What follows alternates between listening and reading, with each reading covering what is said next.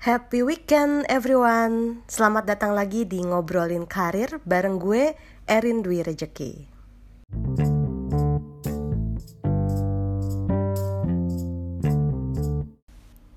Seru ya kemarin ngomongin tentang rekrutmen sama salah satu rekruter handal di dunia teknologi. Besok-besok gue akan undang lagi beberapa um, practitioner di tech company supaya kita bisa belajar bareng ya. Nah kalau episode yang sekarang gue akan coba bahas agak sedikit berbeda temanya. Ini gue dapetin insightnya ketika kemarin ngobrol sama beberapa teman-teman gue juga di kantor nih. Um, muncul nih tiba-tiba isu ini. Ini hal yang pernah gue alamin juga sebenarnya sebelumnya kayak beberapa tahun yang lalu. Tapi kemudian di lingkungan kerja gue yang sekarang ternyata um, masalah ini tuh muncul lagi gitu nah apa sih yang akan gue bahas ini tentang quarter life crisis pernah dengar kita akan bahas ini tentang apa, kemudian juga gimana sih caranya untuk mengatasi si quarter life crisis ini. Oke, okay? nah um, apa yang pa paling gampang untuk menjelaskan quarter life crisis itu sebenarnya galau. Nah, lo pernah gak nih ngerasa galau? Galau dalam hal pendidikan mungkin, ya kuliah nggak kelar-kelar ngadepin dosen ribet banget atau kayak galau di masalah um, percintaan lo atau mungkin yang sekarang yang banyak gue temui teman-teman gue yang galau di uh, pekerjaannya galau di karirnya. Itu paling simple sih um, ngejelasin tentang quarter life crisis itu adalah kegalauan kalian. Atau juga uh, itu sebenarnya simptom yang paling ringan ya gitu. Tapi bisa juga ada simptom yang udah kerasa orang bisa sampai depresi gitu ya stres kayak punya rasa khawatir dan kegelisahan yang berlarut-larut. Nah ini bisa kita bisa sebut sebagai uh, quarter life crisis. Pada umumnya sih muncul di usia-usia akhir 25 uh, sorry ya 25 tahun akhir 20-an sampai awal 30-an gitu ya jadi not necessary muncul di umur 25 juga tapi biasanya terjadi di akhir 20-an sampai awal 30-an tahun gitu. Nah biasanya um, tiap orang-orang juga uh, akan merasakan hal yang berbeda gitu ya. Dan perasaan khawatirnya juga bisa uh, berbeda-beda. Ada yang muncul rasa khawatir atau krisisnya ini muncul karena masalah keuangan gitu ya financially um, bikin mereka terus merasa gelisah. Atau ada juga yang tadi masalah karir juga ada yang merasa galau gelisah khawatir berlebihan terhadap karirnya. Atau tentang keluarga tentang pasangan gitu ya um, di asmara juga percintaan itu bisa muncul perasaan-perasaan yang uh, bikin kita khawatir yang terlalu berlarut-larut merasa depresi sehingga bisa disebut um, kalian ada di masa quarter life crisis tersebut. Nah, kenapa sih ini bisa terjadi? Kenapa sih orang itu akan merasakan si quarter life crisis ini? Um, ya karena emang sebenarnya quarter life crisis tersebut merupakan um, apa ya kayak perjalanan menuju pendewasaan diri lah bisa dibilang gitu. Jadi banyak hal yang sebenarnya bisa mempengaruhi kenapa kita akhirnya bisa merasakan si quarter life crisis ini yang pada umumnya itu um, dirasakan karena adanya pengaruh dari lingkungan sekitar kita sehingga eh, hal ini yang bikin kita terus-menerus memikirkan hal-hal yang bikin kita gelisah, sedih, khawatir gitu ya, galau dan akhirnya bisa sampai depresi atau stres kalau udah cukup kalau udah cukup parah gitu. Contoh yang paling simple dari pengaruh eksternal terhadap um, kegelisahan kita yang muncul terus menerus itu itu sebenarnya simple kayak kalau sering banget kayak dapat pertanyaan satu nih kapan wisuda? Ya kan? Apalagi bentar lagi mau lebaran nih hati-hati ya. Bakal muncul pertanyaan-pertanyaan kayak gini ya siap-siap. Atau misalkan ada kayak pertanyaan oh sekarang kerja di mana? Oh udah nggak di perusahaan yang itu lagi ya? Misalkan perusahaan yang ternama gitu. Itu kadang-kadang mungkin bisa bikin juga kita kayak bertanya-tanya emang kenapa? Gitu kan atau kayak ini yang paling mungkin yang paling bikin baper ya kapan nikah? gitu kapan punya anak? Nah itu pertanyaan-pertanyaan yang mungkin um, akhirnya bisa muncul rasa gelisah setelah um, ketemu pertanyaan-pertanyaan tersebut. Atau juga ada yang nanya oh udah kerja di sana ya? Wow sekarang udah punya apa aja? Like like like it matter gitu kita punya apa aja cuman kadang-kadang suka ada aja pertanyaan-pertanyaan usil dari penga dari pengaruh lingkungan kita juga yang akhirnya bikin kita merasa gelisah, galau dan khawatir tersebut gitu. Yang itu yang akan yang bahaya sih ketika kita terus-menerus mendapatkan pertanyaan-pertanyaan seperti itu sehingga bikin kita terus juga memikirkan hal-hal tersebut gitu. Nah, ini juga belum lagi ditambah dengan ketika kita uh, melihat nih misalkan membanding-bandingkan diri sendiri melihat postingan-postingan orang di sosial medianya mereka gitu ya. Jadi kita membanding-bandingkan diri sendiri dengan orang lain yang uh, gimana kita lihat mereka masih seusia kita tapi ternyata kok kayaknya tanda kutip lebih sukses gitu ya kok si itu enak sih bisa um, liburan terus gitu ya atau kok si itu enak sih sekarang um, kerja di perusahaan besar. Si itu sekarang udah jadi co-founder. Si itu belum lagi si itu misalkan udah bisa menjadi level chief padahal baru umurnya 26 tahun. Yang kayak gitu-gitu. Atau misalkan si itu juga udah punya rumah ternyata udah punya mobil. Nah hal-hal kayak gitu juga stigma-stigma di masyarakat yang muncul ketika orang di usia-usia tertentu seharusnya sudah punya A, B, C, sudah mencapai A, B, C. Ini yang bikin um, apa ya definisi sukses stigma di masyarakat ini yang kadang-kadang bikin kita ngerasa tertekan, ngerasa gelisah. Kalau kita belum sampai di um, tanda kutip sukses tersebut definisi sukses tersebut gitu. Nah itu hal-hal yang gue bilang gue bisa bilang yang menyebabkan kenapa si quarter life crisis ini bisa muncul ketika kita bikin target-target tertentu yang didasar didasarkan pada si stigma di masyarakat itu yang akhirnya bikin kita ketika belum bisa mencapai si target-target tersebut malah bikin kita merasa tertekan.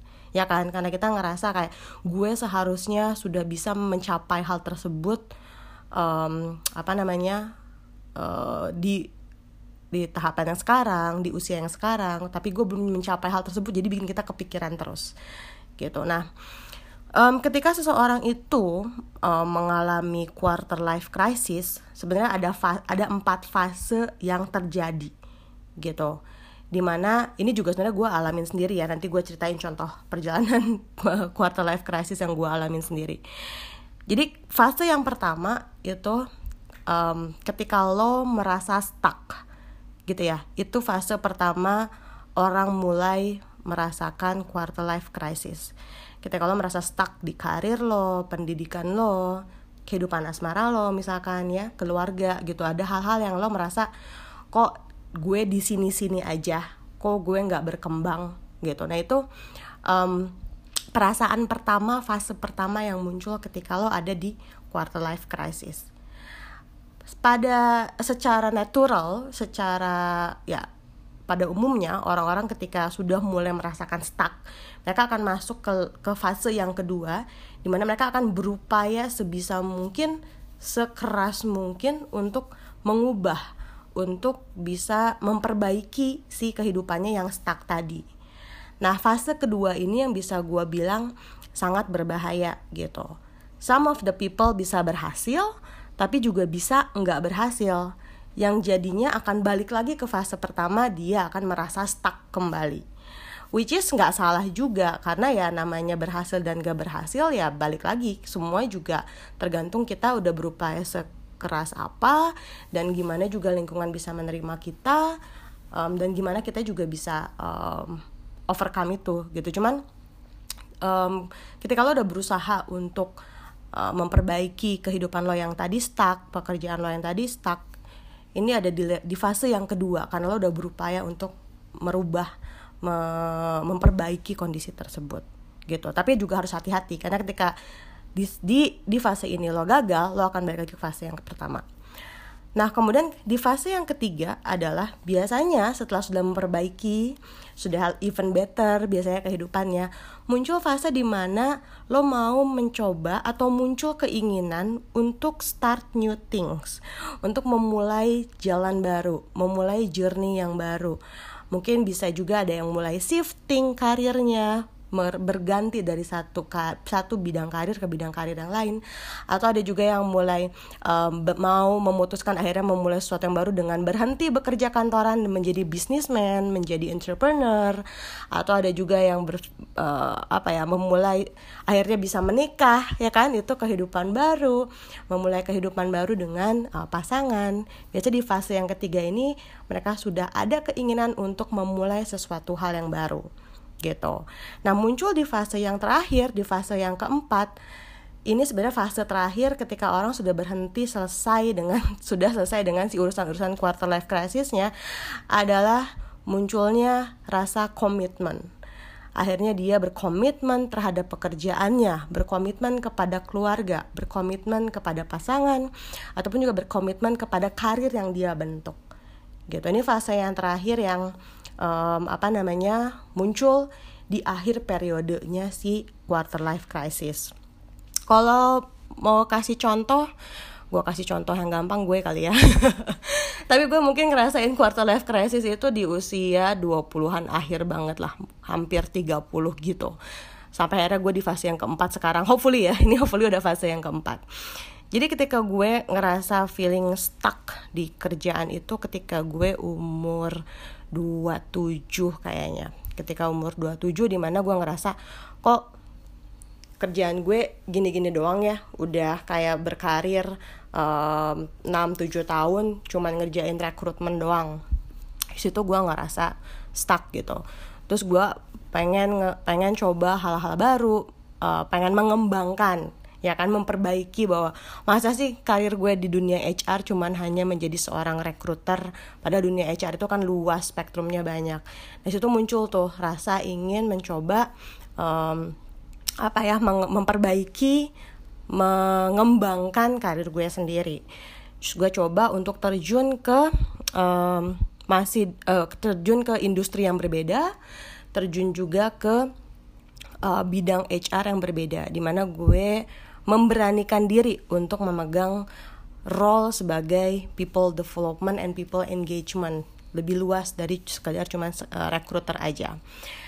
Yang turns out ketika saat itu mencoba untuk step by step memper, memperbaiki karir gue dengan memperluas uh, wawasan gue turns out dikasih kepercayaan yang lebih jadinya gue nggak cuma sekedar megang recruiter people development people engagement aja tapi pegang semua spektrum HR dan office management A to Z.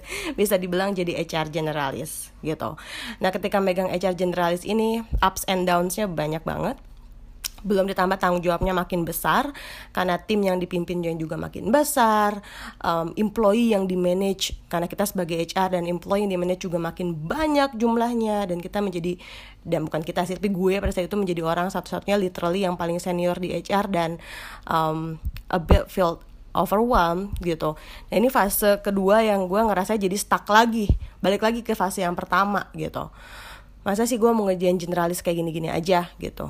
Terus dap ketika dapat kesempatan tawaran kerja di perusahaan berikutnya dengan small scale tapi di perusahaan yang ternama dan masih mengerjakan generalis um, gue masih mau coba. Gue kayak masa sih kayak gini doang um, gak gak sanggup ngerjain generalis coba lagi. Nah gue coba lagi tuh ngerjain si generalis lagi gitu. Masih di fase pengen mengembangkan ya kan mengembangkan um, karir gue. Eh ternyata gagal juga. Ternyata ini adalah bukan hal yang di sini di sinilah quarter life crisis yang gue rasain paling parah di sini. Karena karena gue akhirnya bertanya-tanya ini beneran yang gue mau bukan sih? Gitu. Ini beneran yang gue kejar bukan sih? Gitu. Apakah karena cuma ngejar karir ngejar title doang pegang role yang um, lebih advance dan lebih tanda kutip prestis ya kah yang gue cari gitu kan pada saat itu. Jadi itu sekitar di umur ya 30-an udah 30-an juga sih saat itu. Dan itu kayak beneran yang ini kah yang gue cari gitu kan. Gue bertanya-tanya lagi diri sendiri. Gue coba jalanin dulu selama setahunan terus akhirnya gue muncul kayak oke okay, kayaknya gue harus start new things gue harus mencoba um, not really a new things tapi gue harus shift um, bukan generalis lagi. Bukan ini hal yang pengen gue cari. Nah akhirnya gue memberanikan diri untuk balik lagi mengerjakan rekrutmen yang ternyata gue sampai saat ini merasa sangat enjoy sampai sekarang. And I never been better than ever saat ini gitu. Jadi di sini muncul karena tadi ada keinginan untuk oke okay, start from fresh lagi, start lagi dari awal, mulai lagi karir gue jadi recruiter lagi. Gak usah mikirin generalis yang kemarin, bikin itu menjadi valuable um, experience aja, value edit terhadap knowledge gue di bidang HR. Tapi gue mau start lagi from from from zero, start from fresh menjadi seorang recruiter. Dan gue rasa gue sekarang udah ada udah ada di di, di fase keempat, di mana gue mau commit sama karir gue gue mau komit di bidang ini di bidang uh, eh, gue menjadi recruiter di tech company. Nah itu contoh contoh fase 1 sampai 4 yang akhirnya gue alamin sendiri.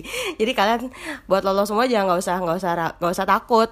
Kalau misalkan masih di fase yang pertama muncul di fase yang kedua ini kayaknya perjalanannya panjang kalau gitu buat gue ya. Dari umur 28 29 30 tiga gua ketahuan umurnya empat tahunan deh gue ngerasain quarter life crisis tapi ya it worth the the experience lah gitu ya. Nah gimana sih cara buat menanganinya? Kalau sekarang lo masih ngerasa um, lagi stuck gitu ya atau kayak lagi quarter life crisis yang lo rasain ini justru kayak um, mengganggu pekerjaan lo uh, bikin bikin hidup lo juga jadi makin gak tertata misalkan ya jadi jadi scattered dan berantakan gitu. Um, then you should do something about it. Gua sih nyar ada menyarankan ada beberapa um, ada lima lima tips yang bisa gue kasih gimana caranya untuk menangani si quarter life crisis ini dengan lebih cepat supaya nggak kayak gue nggak sampai empat tahun tapi bisa lebih cepat.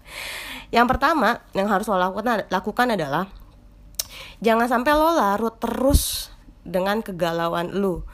Rasa sedih rasa gelisah kekhawatiran lo itu coba coba lo untuk lebih menenangkan diri. Coba lo um, pahami diri lo sendiri bilang sama diri lo hey everything is okay lo baik-baik saja, lo sudah mencapai apa yang lo bisa.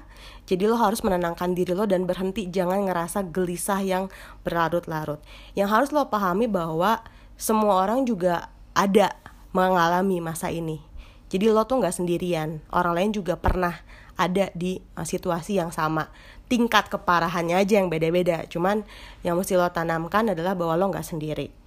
Jadi masuk ke tips yang kedua, karena lo nggak sendiri, lo jangan ragu untuk cerita, untuk tanya, untuk diskusi sama um, orang yang lebih tua atau mungkin sama orang tua lo sendiri, sama temen, sama kakak, sama senior di kantor. Itu kalau lo punya kegelisahan-kegelisahan kayak ini jangan ditanam, jangan dipendem sendiri gitu. Lo coba cerita, lo coba nanya sekitar ajak diskusi siapa yang menurut lo bisa diskus bisa diajak diskusi. Mau diskusi sama du sama gue juga boleh. Tinggal uh, tanya-tanya via Twitter ataupun via LinkedIn. Nanti um, kalau lu bisa bertanya sama orang yang tepat siapa tahu ternyata apa yang lo rasain apa yang lo alamin um, teman yang lo ajak diskusi itu juga pernah ngalamin. Dan dia bisa kasih insight kasih tips yang justru berguna banget dan bermanfaat buat lo gitu. Jadi lo makin tidak berlarut-larut uh, dengan kegelisahan lo itu sendiri gitu. Ya itu tips yang kedua. Nah tips yang ketiga nah ini ini harus dari diri lo juga nih. Lo harus stop berhenti mulai sekarang membanding-bandingkan diri sendiri dengan orang lain. Kalau lo kepo-kepoin sosial medianya teman-teman lo, Instagramnya teman-teman lo, gitu ya, LinkedInnya teman-teman lo, stop mulai kepoin boleh, tapi stop ngebanding-bandingin diri lo dengan mereka. Karena lo harus tahu bahwa pasti nggak mungkin mereka punya karir yang melejit, punya akhirnya penghasilan yang uh, bagus tanpa mereka juga kerja keras, ya. Jadi hey anak muda sudah jangan ongkang-ongkang kaki dan berharap lo bisa kayak mereka semua kalau lo nggak kerja keras. Jadi daripada ngebanding-bandingin dengan mereka, start to do really hard work buat lo sendiri gitu ya, supaya lo juga eventually bisa mencapai ke sana gitu. Jadi stop ngebanding-bandingin. Kepoin boleh tapi stop ngebanding-bandingin diri sendiri. Nah, terus juga tips yang keempat lo juga jangan berlarut-larut untuk mengkhawatirkan bahwa target-target hidup lo belum kecapai. Misalkan nih lo punya target gue harusnya nikah umur 25 tahun Tapi sampai sekarang belum nikah. Gue targetnya sebelum umur 30 tahun udah punya anak Tapi masih belum juga punya anak. Misalkan, itu contoh aja. Kemudian juga um, misalkan gue harusnya udah punya bisnis sendiri Tapi sampai sekarang modalnya belum kekumpul-kumpul. Nah itu jangan terlalu mengkhawatirkan hal itu. Tips paling tips yang paling mujarab untuk ini adalah ketika lo belum bisa mencapai target-target hidup lo sendiri ikhlas. Satu aja gitu ya. Yuk kita ikhlas. Um, itu doang obatnya buat pertanyaan-pertanyaan tadi. Selain harus kerja keras tapi juga lo harus bisa ikhlas belajar ikhlas dan kan harus percaya bahwa Tuhan itu pasti udah udah punya rencana deh. Kalau dia belum kasih belum membuka jalan lo untuk mencapai target-target itu sekarang lo harus yakin lo harus punya faith bahwa Tuhan itu punya sesuatu yang lebih baik dari saat ini. Mungkin harus dicapainya memang bukan di tahun ini tapi di tahun nanti. Jadi lo harus tanemin rasa ikhlas itu. Ya tips yang terakhir. Ini yang paling penting. Lo harus tetap semangat ya. Jadi harus tetap produktif nih bekerjanya. Kalau lo larut-larut terus dalam rasa gelisah lo terus itu mempengaruhi kerjaan lo lo jadinya kerja juga uh, kerjaan gak beres-beres target-target kerja gak kecapai ya kan? Bos malah jadi bete sama lo. Um, lo malah sering dimarah-marahin karena kerjaan gak kelar-kelar. Wah itu malah lo akan makin merasa stuck men jadi harus tetap semangat ya pakai tadi tips 1 sampai dengan 4 dan tambah semangat juga di dalam diri lo untuk terus kerja dengan produktif dan yakinkan diri lo bahwa lo pasti bisa. Lo pasti akan bisa uh, sampai ke fase yang keempat dari quarter life crisis ini. Oke, okay? jadi harus tetap semangat. Ya, itu aja untuk episode yang 11. Kalau masih ada pertanyaan, kalau ada yang gak setuju dengan apa yang udah gue sampaikan di ngobrolin karir hari ini, langsung aja um, what eh kok WhatsApp sih? Kirim Twitter DM Twitter gue atau juga kirim uh, message di LinkedIn ya. Thank you so much semoga bermanfaat. Bye bye